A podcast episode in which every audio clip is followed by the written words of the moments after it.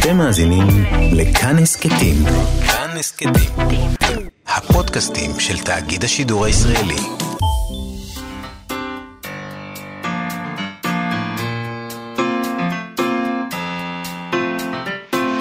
מה שכרוך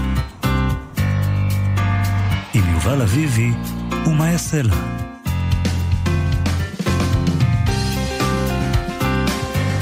שלום, שבוע טוב, צהריים טובים, אנחנו מה שכרוך. מגזין הספרות היומי בכאן תרבות, מאיה סלע ויובל אביבי, 104.9 ו-105.3 FM, גם באפליקציה ובאתר אפשר למצוא אותנו, ואיתנו באולפן, אבי שמאי ודימה קרנצוב שעושים איתנו את התוכנית. שלום לכם, שלום מאיה סלע. שלום לך, יובל אביבי. אנחנו נדבר היום על הספר מגלן של סטפן צוויג. אה, זה ספר שחוזר לשיט האדיר של מגלי הארצות הפורטוגלי הזה. וכדרכו של סטפן צוויג זה כמובן לא ספר היסטורי רגיל, אנחנו נדבר על כל העניין הזה עם אורנית כהן ברק, שהיא עורכת הסדרה לספרות יפה בהוצאת מודן. הספר הזה יצא שם בתרגום של ליה נרגד. אנחנו נדבר גם עם שרי שביט על ספר שיריה החדש, כאב מרחקים. שעוסק באבל אה, וביתמות ובמין, ויש שם המון הורים, אבל הם נהדרים. אני, ממש, אתה קורא שיר אחרי שיר, אימא ואבא ואימא ואבא, אבל הם אינם, הם מתו בעצם. אה, ספר אה, מאוד יפה וגם קשה. מטריד.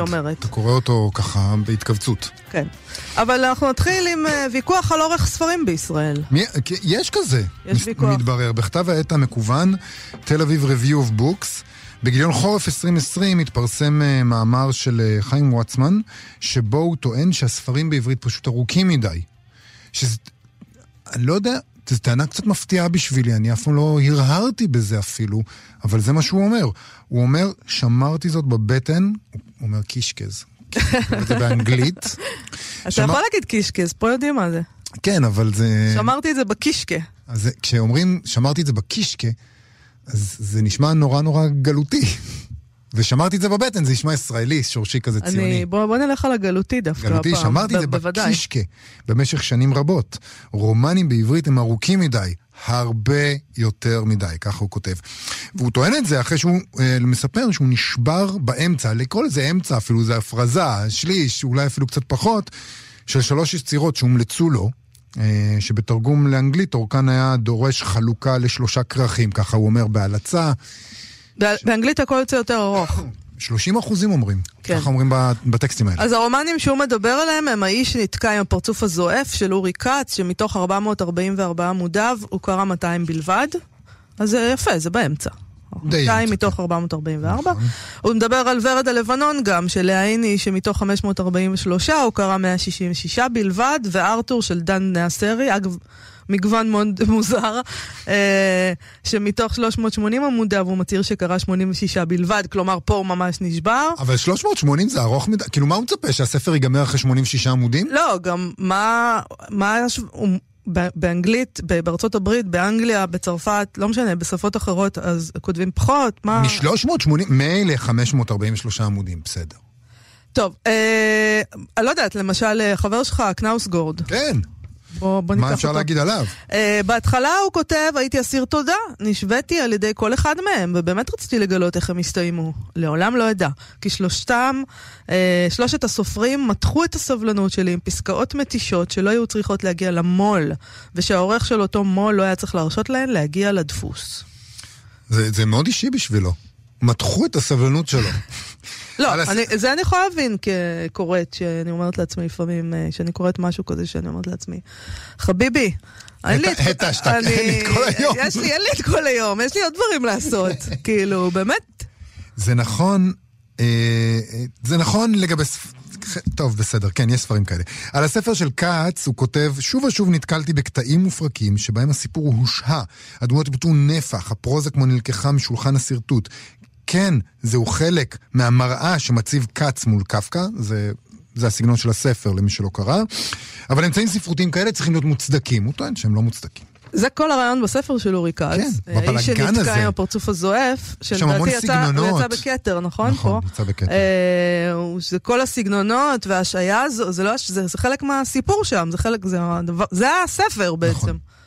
אז אה, אוקיי, הוא לא אהב את זה. על ורד הלבנון הוא כותב שרוב הסצנות הנפרדות כתובות היטב ומשכנעות. הבעיה היא שיש יותר מדי מהן. על כל אחת מהן שמניע את הסיפור הגדול או מעניקה תובנה על דמות, יש אחת שמשהה את העלילה. ובקיצור, בוא, נ, בוא נגיד, הוא בקטע של עלילות, כן? כן. עלילה. ספרות זה לא רק עלילה. Mm-hmm. רוב הסופרים, הוא אומר, כותבים טיוטה שמכילה סצנות רבות, שבסופו של דבר מושלכות לפח האשפה. החיתוך הכואב הזה הוא חלק מעבודת הכותב, עיני לא עשתה מספיק מזה. אולי הוא צריך אפילו... לראות יותר נטפליקס, ויש שם הרבה עלילות. אני, אפילו לא יודע אם זה נכון, רוב הסופרים כותבים טיוטה, כאילו זה נשמע כמו... שמכילה כאילו... סצנות רבות, כאילו זה לא תסריט. נכון. מה זה? נדמה לי שהוא חושב על סדרת טלוויזיה. בדיוק. אני, אני מדמיין לעצמי, ומה שאני מכיר מסופרים זה בכלל לא ככה. יש עבודת עריכה כמובן, אבל לא, זה לא שהיא... כוללים המון המון סצנות שאתה אומר לעצמך, אוקיי. כי סצנות, בכלל המילה סצנות, היא לא קשורה לספרות, כאילו, באיזשהו אופן, אני חושבת. יש בזה משהו, אני מסכים. היא כן קשורה לספרות, אבל היא מיד זורקת אותך לעולם אחר. סצנות זה תסריט, זה, זה, זה סיפור סצנ... אחר. בוא נוריד את הסצנה הזאת של הרצח. כאילו, זה לא... השפה, כאילו היא... טוב, לא, תראי, נו, הוא בסדר. כותב שם שאין לו בעיה עם ספרים מאתגרים, והוא גם מונה ספרים ארוכים שהוא... אחרים, בעברית, שהוא כן צלח.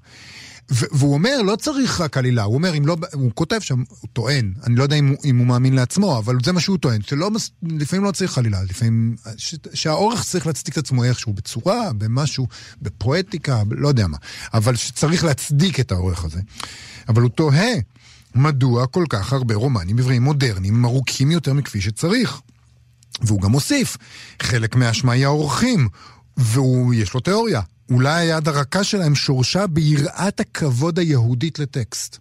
כאילו אנחנו כיהודים יש לנו יראת כבוד לטקסטים באשר הם, בגלל הספר שלנו, אז אנחנו לא נוגעים, האורחים אומרים אני טוב. דווקא הייתי, בדבר הזה אני יכולה להסכים איתו, אה, לא, לא על העניין הזה של יראת הכבוד. יש לנו יראת כבוד לטקסט של אלוהים. אין לנו. יראת כבוד לטקסט, הבעיה אה, עם הספרות כרגע היא שאין אורחים כמעט. בוא נגיד כמעט, שאף אחד לא יעלב עכשיו. כן. אבל באמת יש בעיה עם אורחים. אורחים לא בדיוק עושים עבודת עריכה כמו שנהוג לעשות אותה במקומות אה, אחרים בעולם. יכול להיות, אבל לא תמיד זה האורך, יש המון ספרים עבריים קצרים מאוד. שגם שם אתה מזהה בעיות עריכה. נכון. העריכה זה, זה לא רק זה לקצר. זה לא קשור לאורך. זה לא תמיד קשור לאורך.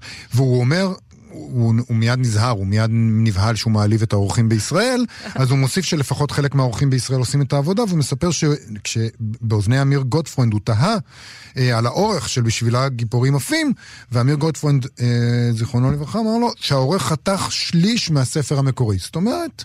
יש עורכים שחותכים בבשר. הילה בלום בטח ערכה את זה, היא הייתה העורכת של אמיר גוטפרוינד, עד כמה אה, שאני יודעת. אז הילה בלום כנראה. אני לא זוכר. כן. הוא מסיים את הטקסט בכך שאולי הטעם שלי לא מייצג את מה שרוב הישראלים רוצים מהספרות שלהם. הוא לא ישראלי לדעתי, זאת אומרת, הוא, הוא מספר איך הוא למד עברית כדי לקרוא, אז... אה. טוב, אה, למאמר הזה, מה שמעניין זה שהייתה תגובה למאמר הזה, מאמר תגובה של ג'סיקה כהן, המתרגמת, זוכת פרס הבוקר ביחד עם דוד גרוסמן. שניים מהספרים שהוא מזכיר לדבריה נמצאים אצלה בעבודת תרגום, במסגרת העבודה שלה כסוכנת של ספרות ישראלית בחו"ל. היא טוענת, אף שזאת בדיוק הנקודה שלו, שאי אפשר לכתוב ביקורת על ספר שלא קראת עד הסוף. במיוחד במקרה של הספרים האלה, אה, ושזו כנראה הביקורת היחידה באנגלית שניתן לקרוא אליהם כרגע. השניים האלה הם הספרים של אורי כץ ולאה עיני, שהיא אומרת שלא נשלחו אליה מהוצאות אה, או משהו, אה, כפי שבדרך כלל זה קורה, אלא היא עצמה קראה, התרשמה מהם והחליטה לייצג אותם בחו"ל. שזה אומר די הרבה, כי כן. היא, היא מתרגמת מספר אחת, mm-hmm. כולם רוצים שג'סיקה כהן תתרגם את הספר שלהם, שיהיה ברור. Mm-hmm. אז אם היא... היא, עושה גם, אני, אני חושדת בג'סיקה כהן, שהיא גם משפרת את הטקסטים. באנגלית איכשהו, תמיד אצלה זה נשמע יותר טוב. וואו, לא תמיד, אני לא אגיד, לא קראתי את כל הזה, אבל הרבה פעמים. אני תמיד חושדת בה שהיא שם עושה איזה שיפור של הטקסט. היא כנראה מתרגמת מצוינת. היא מתרגמת נהדרת. היא אומרת, אגב, אם אתה לא קורא את כל היצירה, אתה זכאי לו לאהוב אותה ולהמשיך הלאה, אבל אתה מוותר על זכותך לבקר אותה בפומבי. ואני חייב לדעת שאני לא מסכים עם הטענה הזאת, לפחות לא מסכים איתו במילואה, אני מסתייג מזה. כי נגיד, אני לא הייתי כותב ביקורת על ספר שלא סיימתי. הייתי אומר, תקשיבו, אני לא יכול. אם הייתי חייב לכתוב ביקורת, הייתי מסיים אותו. אבל מה שהוא עושה כאן זה לא בדיוק ביקורת, זה חלק מרשימת ספרים שהוא מציין, כדי לה- להראות אה, תופעה עקרונית רחבה, ואני חושב שזה בסדר. לא, שזה אבל... בסדר. לא, לא, לא, סליחה. אבל אתה... הוא לא קרא את הספרים האלה עד הסוף. זאת אומרת, אתה... הוא, הוא הפסיק אני פשוט- באמצע. אני פשוט- הוא הפסיק באמצע, כי בעיניו, אז, אז, הוא- אומר, אוקיי, זה לא מספיק טוב או משהו, זה לא מספיק ערוך.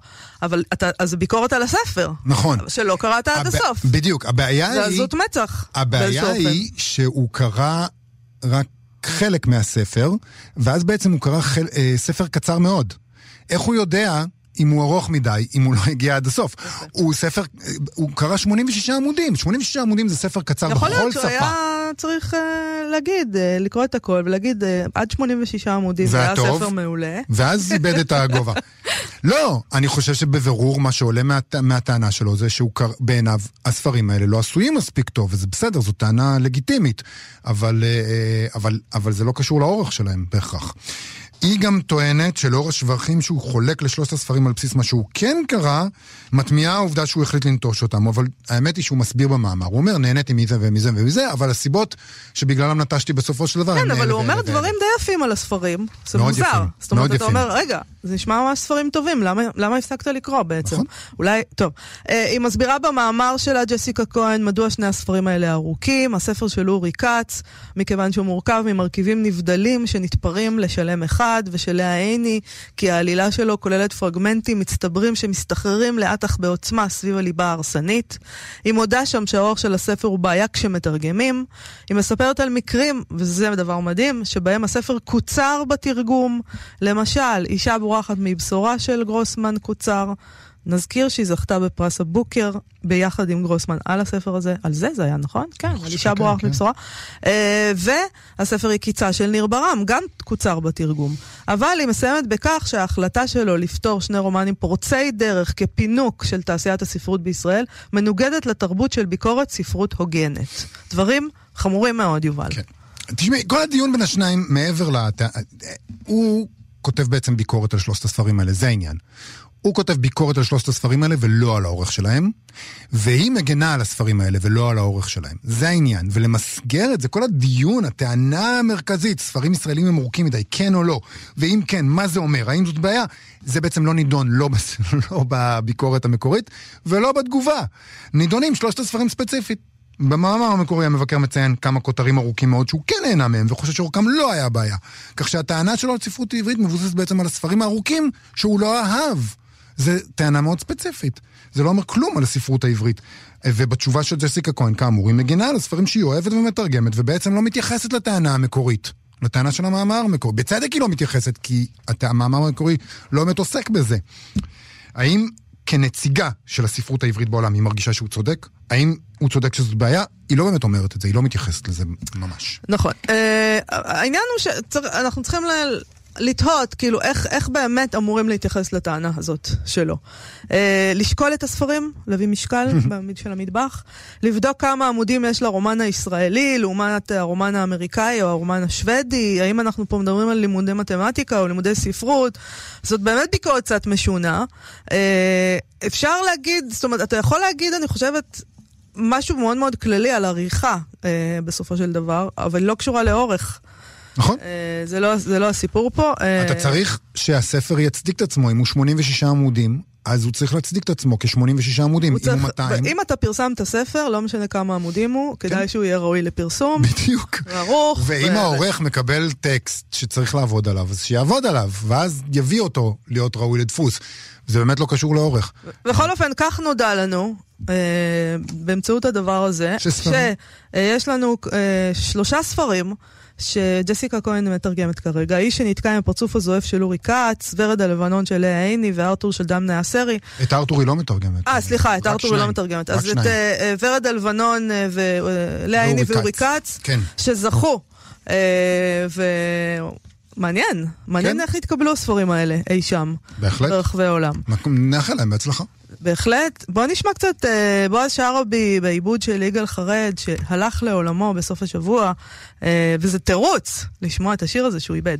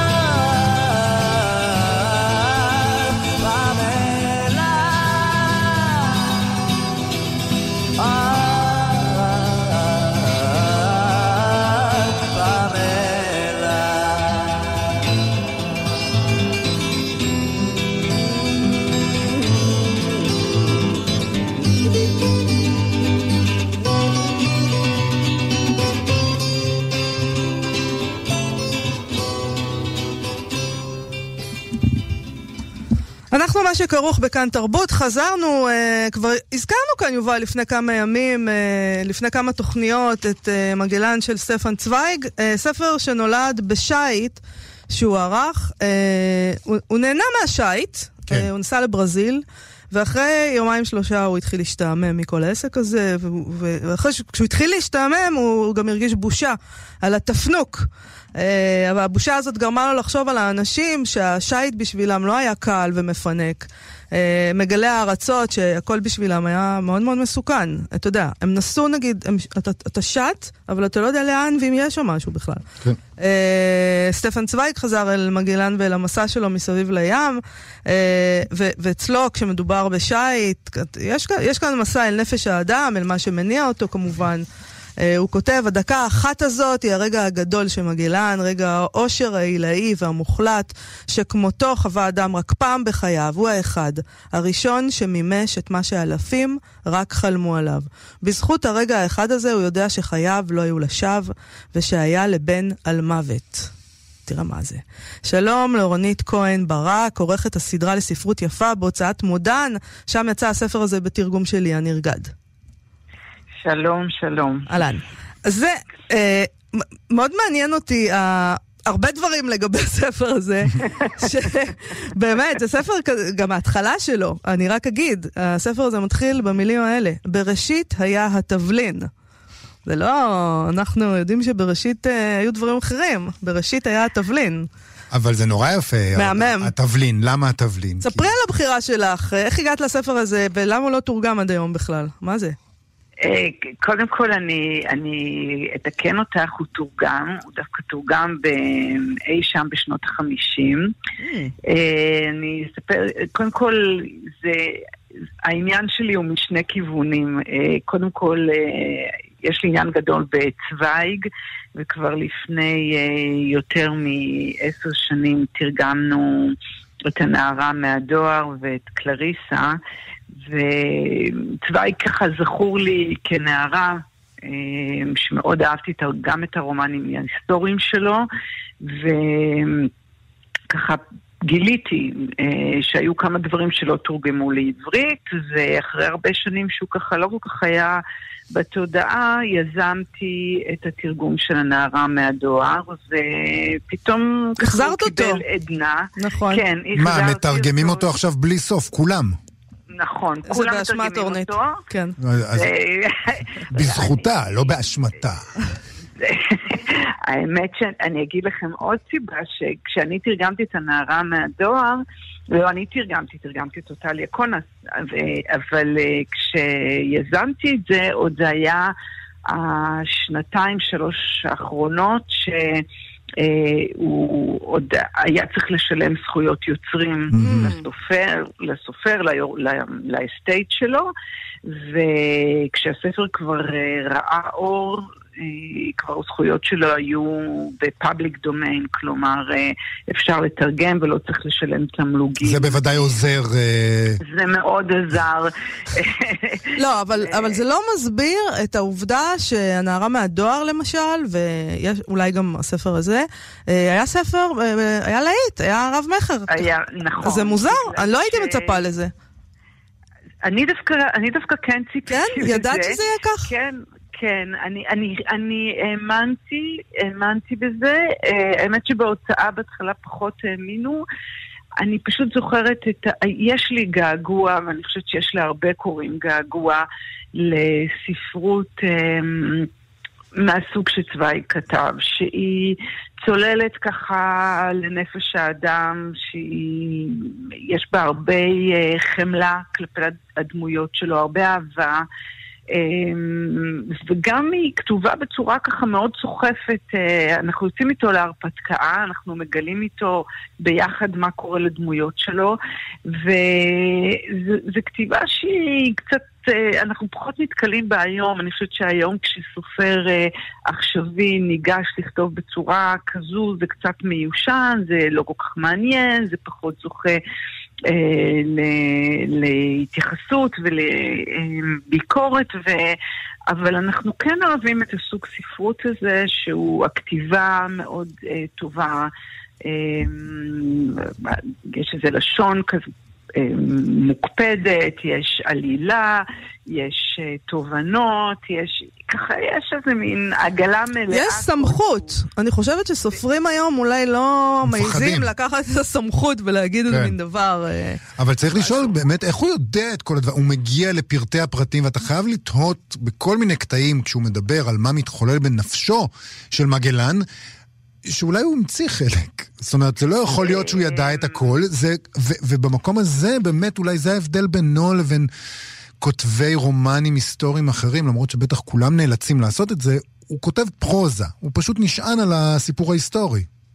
נכון, אני ככה, זה, זה נכון שזה ביוגרפיה, אני גם רואה שזה ככה מקוטלג בכל הרשימות תחת ספרי עיון, ואני בכלל רואה את זה יותר... אה, לא, זה ממש לא ספר עיון. היפה. נכון. כן, אני...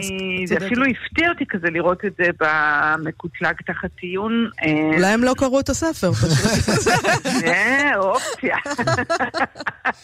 תמיד כדאי לקרוא את הספר לפני שמקטלגים אותו.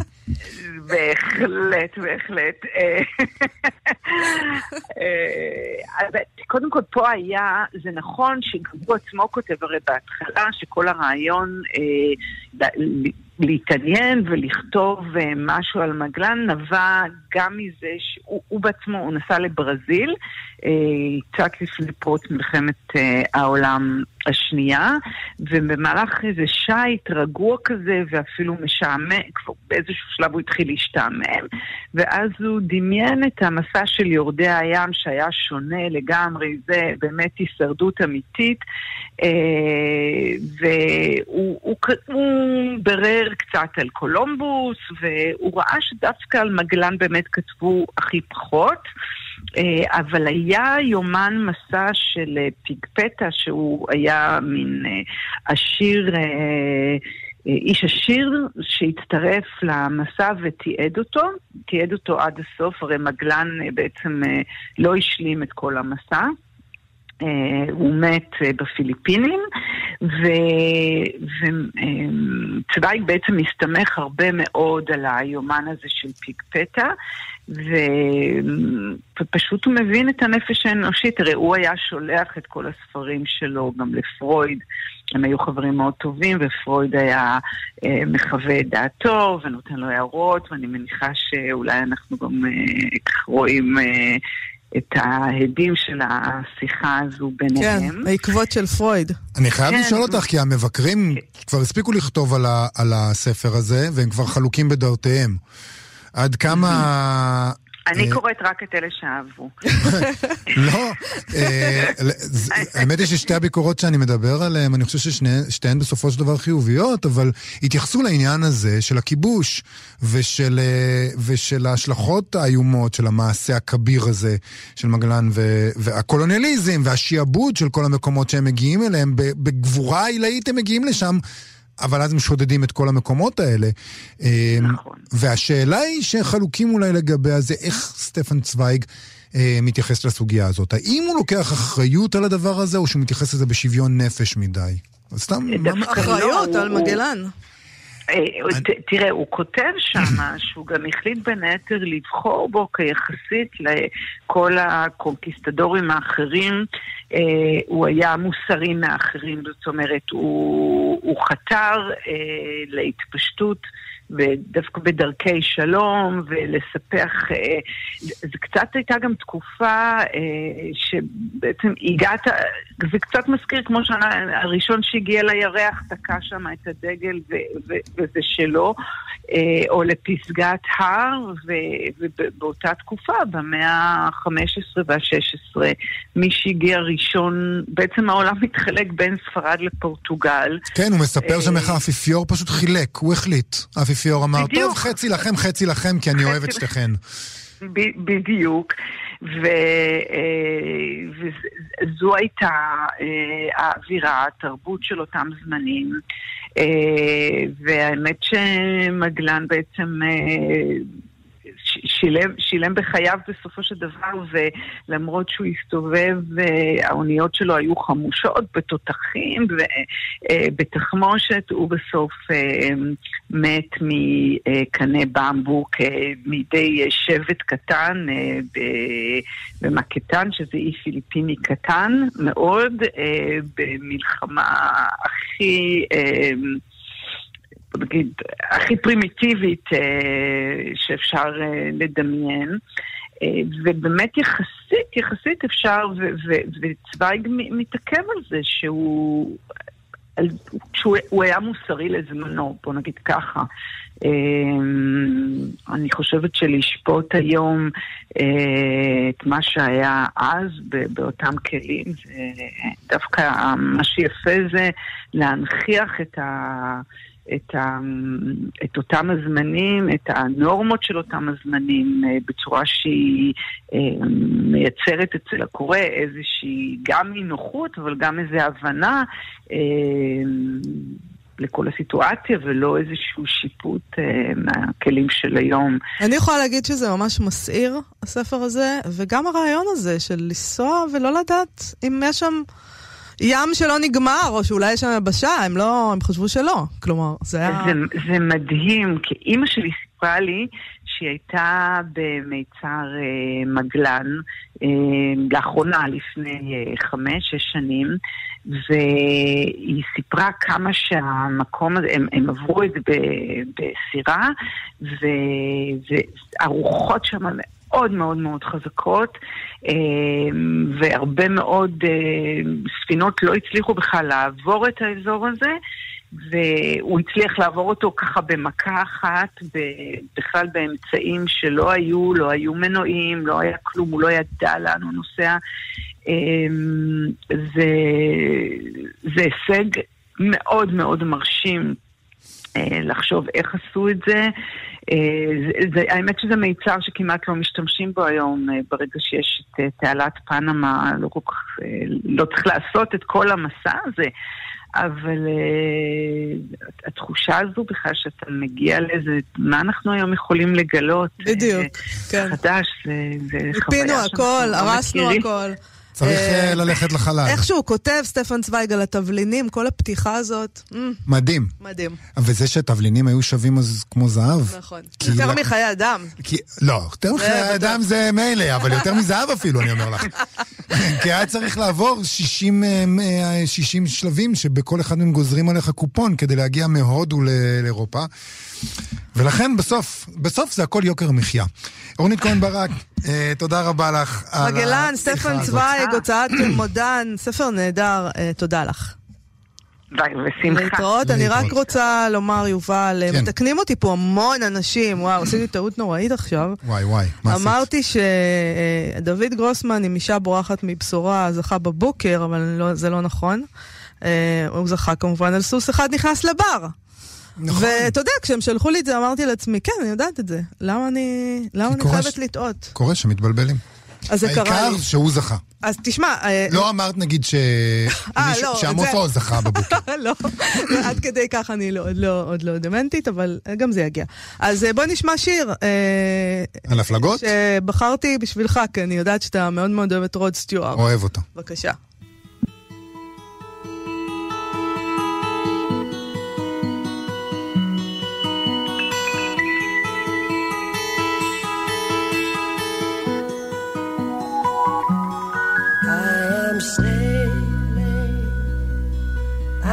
I am sailing home again, across the sea. I am sailing stormy waters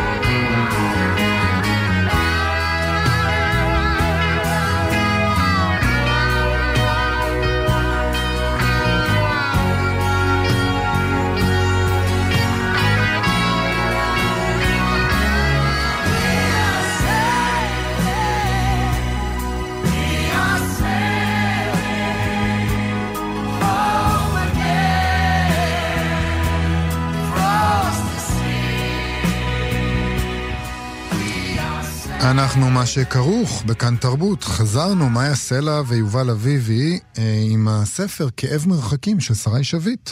ספר שירים שיצא בהוצאת אה, כבר, אה, בסדרת כבר, ומתערבבים בו מוסד ביאליק. מוסד ביאליק, כן. מתערבבים בו החיים והמוות. שרה שביט כותבת על הורים מתים, אבל גם על המיניות של ההורים האלה, טרם מותם, וגם על מיניות בכלל, אולי מתאבלת גם על המיניות הזו, וגם על המיניות שלה. תכף נשאל אותה, על מה מתאבלים אני פה? הרגשתי ו- גם שיש שם איזה מין דבר מאוד מאוד יפה בעיניי, כי בעצם אה, זה מין ילדה יתומה שכותבת על הדמות המאוד מוקדמת שלה, מצד אחד, ומצד שני, היא מצליחה להסתכל על ההורים שלה בחלוף השנים גם בביקורתיות.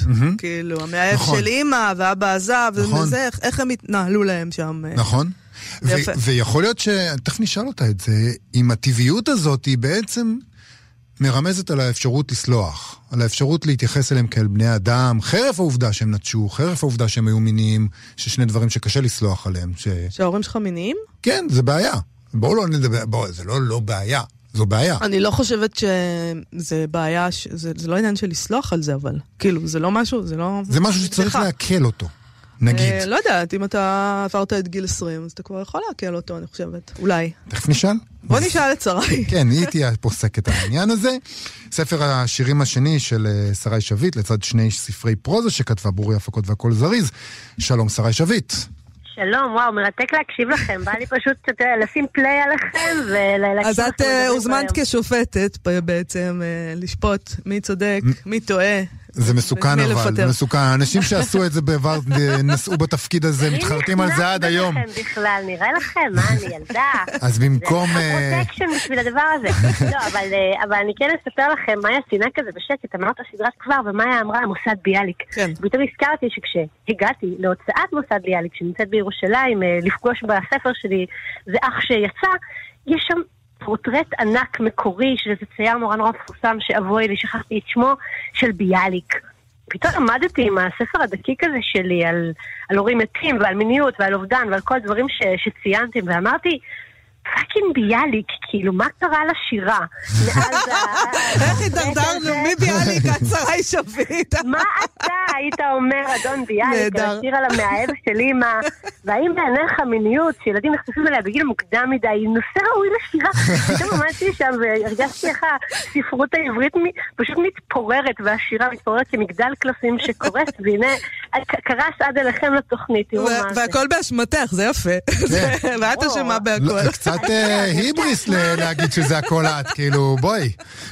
לא, לא, אני חוליה, חוליה קטנה וצנועה בשרשרת אה, מאוד אה, מכובדת וארוכה ומביכה וכל מיני דברים. אבל את רואה את זה ככה, כמו שאנחנו, כמו שאני אמרתי, שיש בזה איזה מין, מין מהלך כזה שאת עושה אחרי הרבה שנים, ש... אם מותר לומר שאת כבר יתומה, ושהתייתנת מותר בגיל מאוד מאוד צעיר, ויש כאן איזה מין, כמובן געגוע לדבר הזה שנקרא אימא ואבא, אבל גם ביקורת. כן, אני חושבת ש... קודם כל הבחנה נורא מעניינת, ותודה שאתם אה, מעלים אותה. אני חושבת שאצלי, כלומר, המצב היה נתון. כלומר, אני גדלתי בבית, ממש בביוגרפיה האישית שלי, שלא לא היה כזה אבא, אימא, ארוחות שישי, איזה מבנה נורמלי עם כל הקונבנציות והפונקציות שיש ברוב המשפחות, גם מאומללות כל אחת בדרכה שלהם. אצלנו אנחנו היינו אומללים וגם היינו קצת מוזרים במבנה. אה, אבא כך אומללים. ומוזרים. ממש, קראו לנו רצף של אסונות וגם דברים טובים, אבל פשוט באיזה הקשר כזה שבשבילי זה מה שאני מכירה. אני התחלתי להבין שהסיפור שלי אולי הוא לא כזה רגיל כשהתחלתי אה, לספר אותו לאנשים חדשים.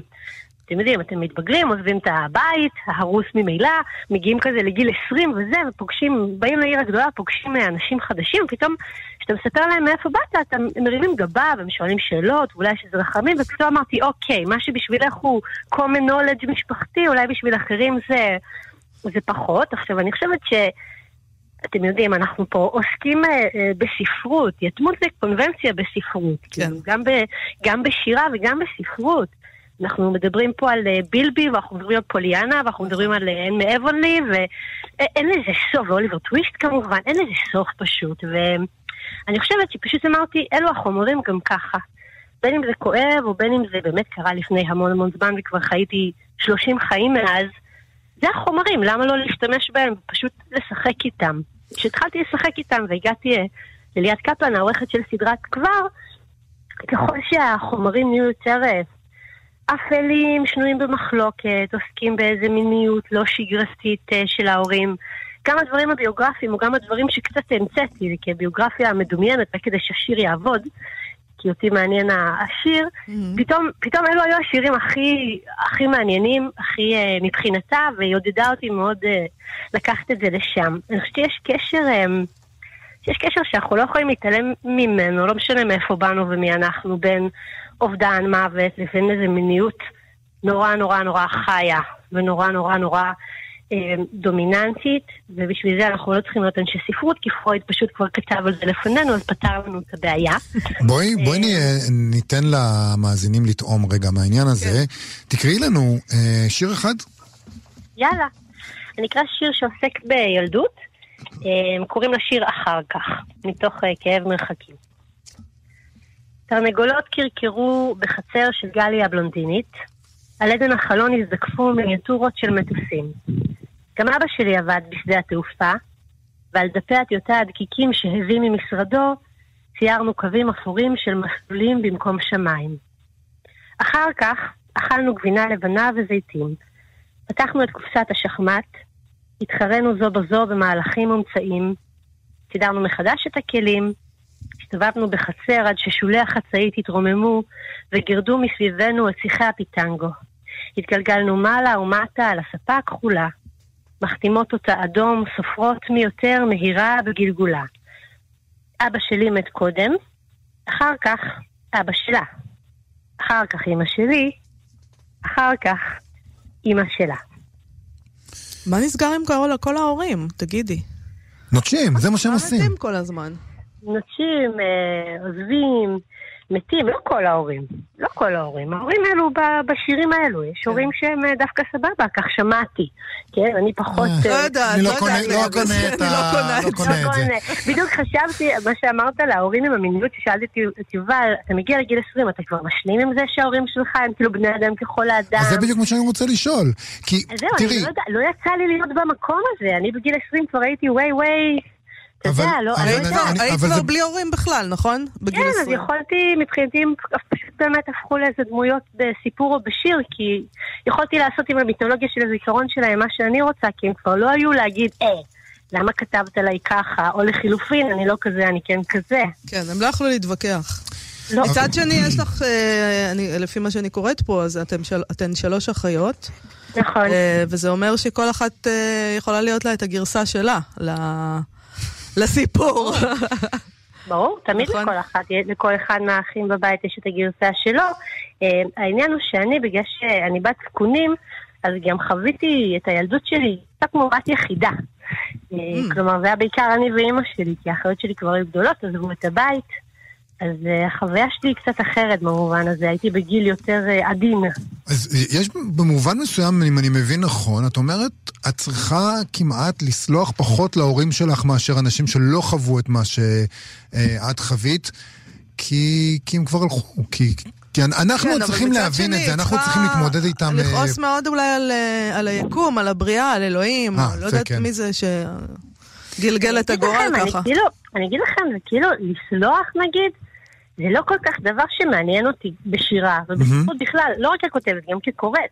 כלומר, מה שמעניין בספרות ובשירה, והרבה פעמים גם בחיים עצמם, זה הקונפליקט. אם אפשר קונפליקט טוב, בין אנשים שכל הצדדים נורא נורא צודקים.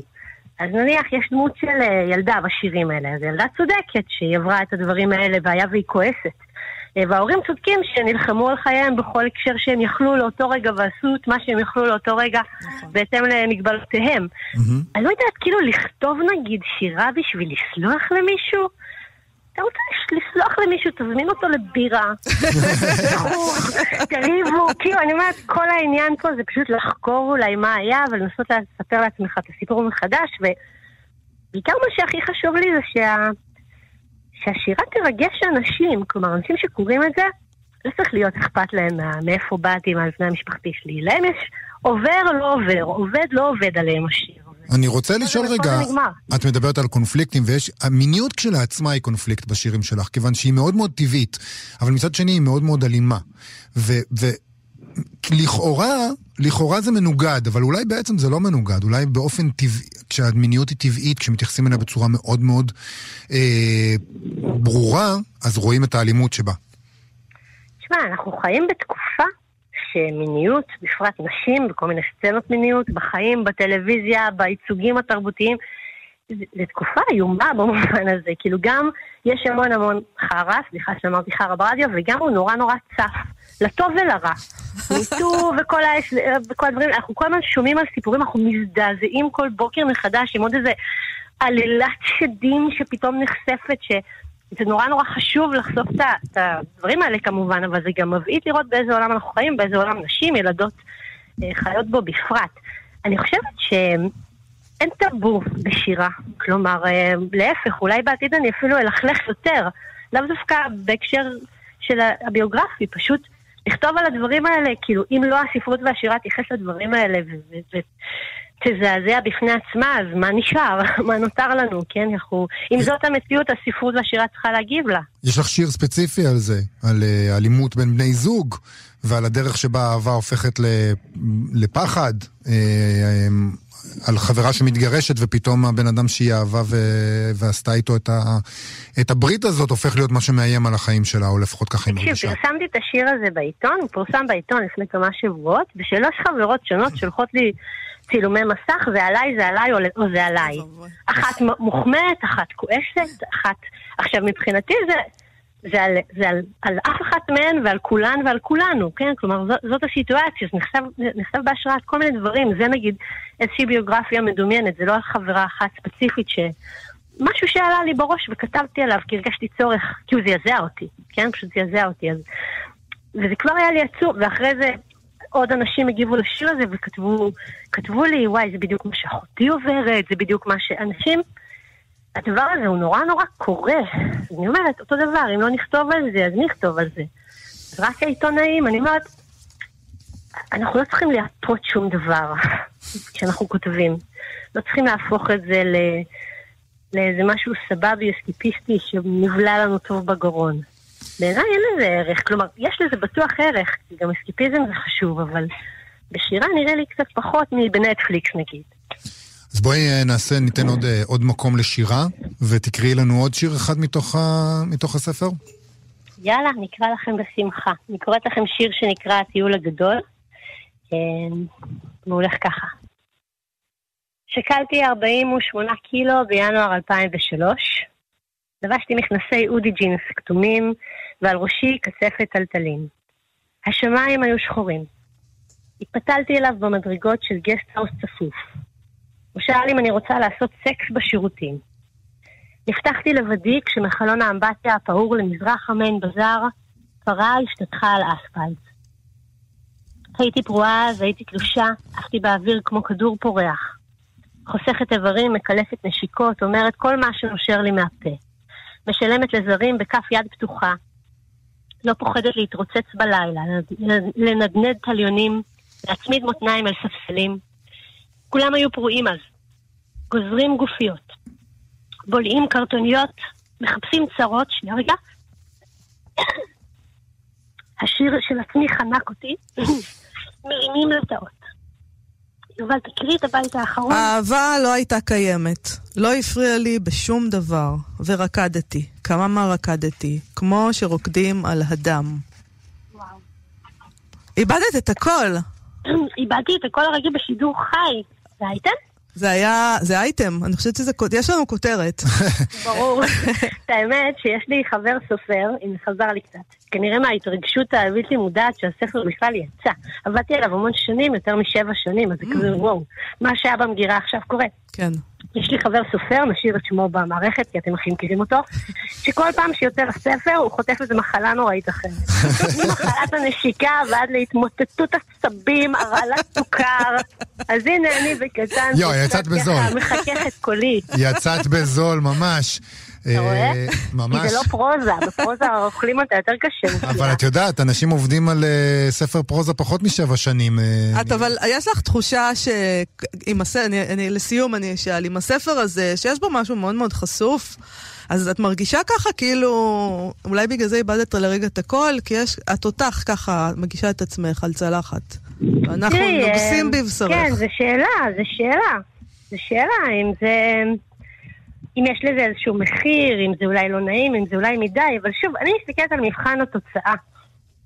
מבחינתי, אם הספר עובד, אם השירים בו, בעיני מי שקורא אותו, מרגשים, טובים, בעיניי פה אתה נמדד, ולא אם סיפרת מה קרה לך, או המצאת מה קרה לך, או הסתרת מה קרה לך. בעיניי האיכות היא בסוף מה שמדבר, כי כולנו הרי חווים כל כך הרבה ספרים שיוצאים, ולא לכולם אנחנו מתחברים, נכון? זה לשון נכון. המעטה. נכון. אז אני אומרת, פה מי שקורא הוא זה שיכריע.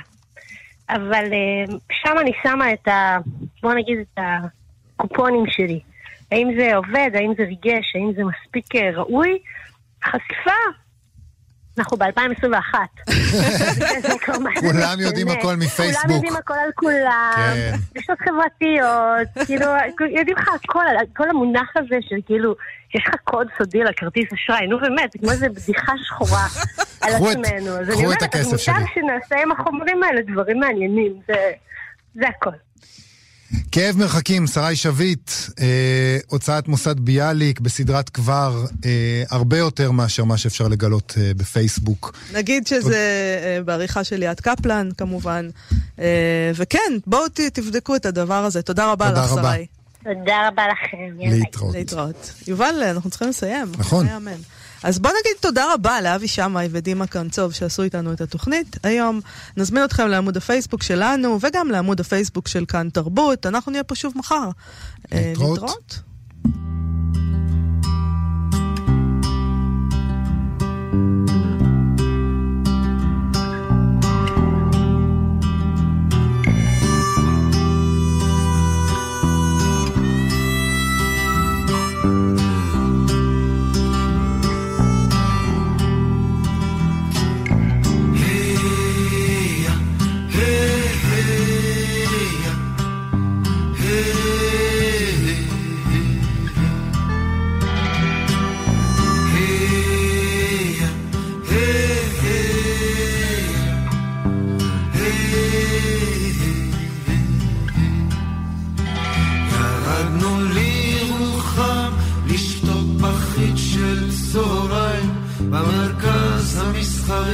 המאובק. התענוג מתחיל בהליכה איטית שקולה ומדודה כמו טורבו מאופק. השרירים החבוטים מהנסיעה הארוכה משתחררים בתענוג בכל הגוף. מסתרגים ומתמתחים ונעשים קשוחים ברוח שמצליף אבק וחום על הפרצוף. היי היי כל העניין הוא לשתות משהו קר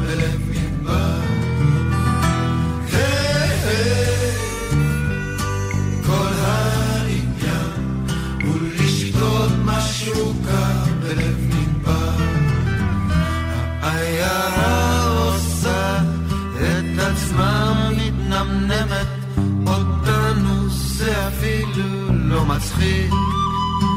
חוסים ברחבה בכמו חגיגיות סמויה. עוזבים לשמש את העיר צרור נגישות טמבור עוצר אותנו כאחד. נימה וחצי מהצל. עומדים בשמש לא נין לא זיע מחכים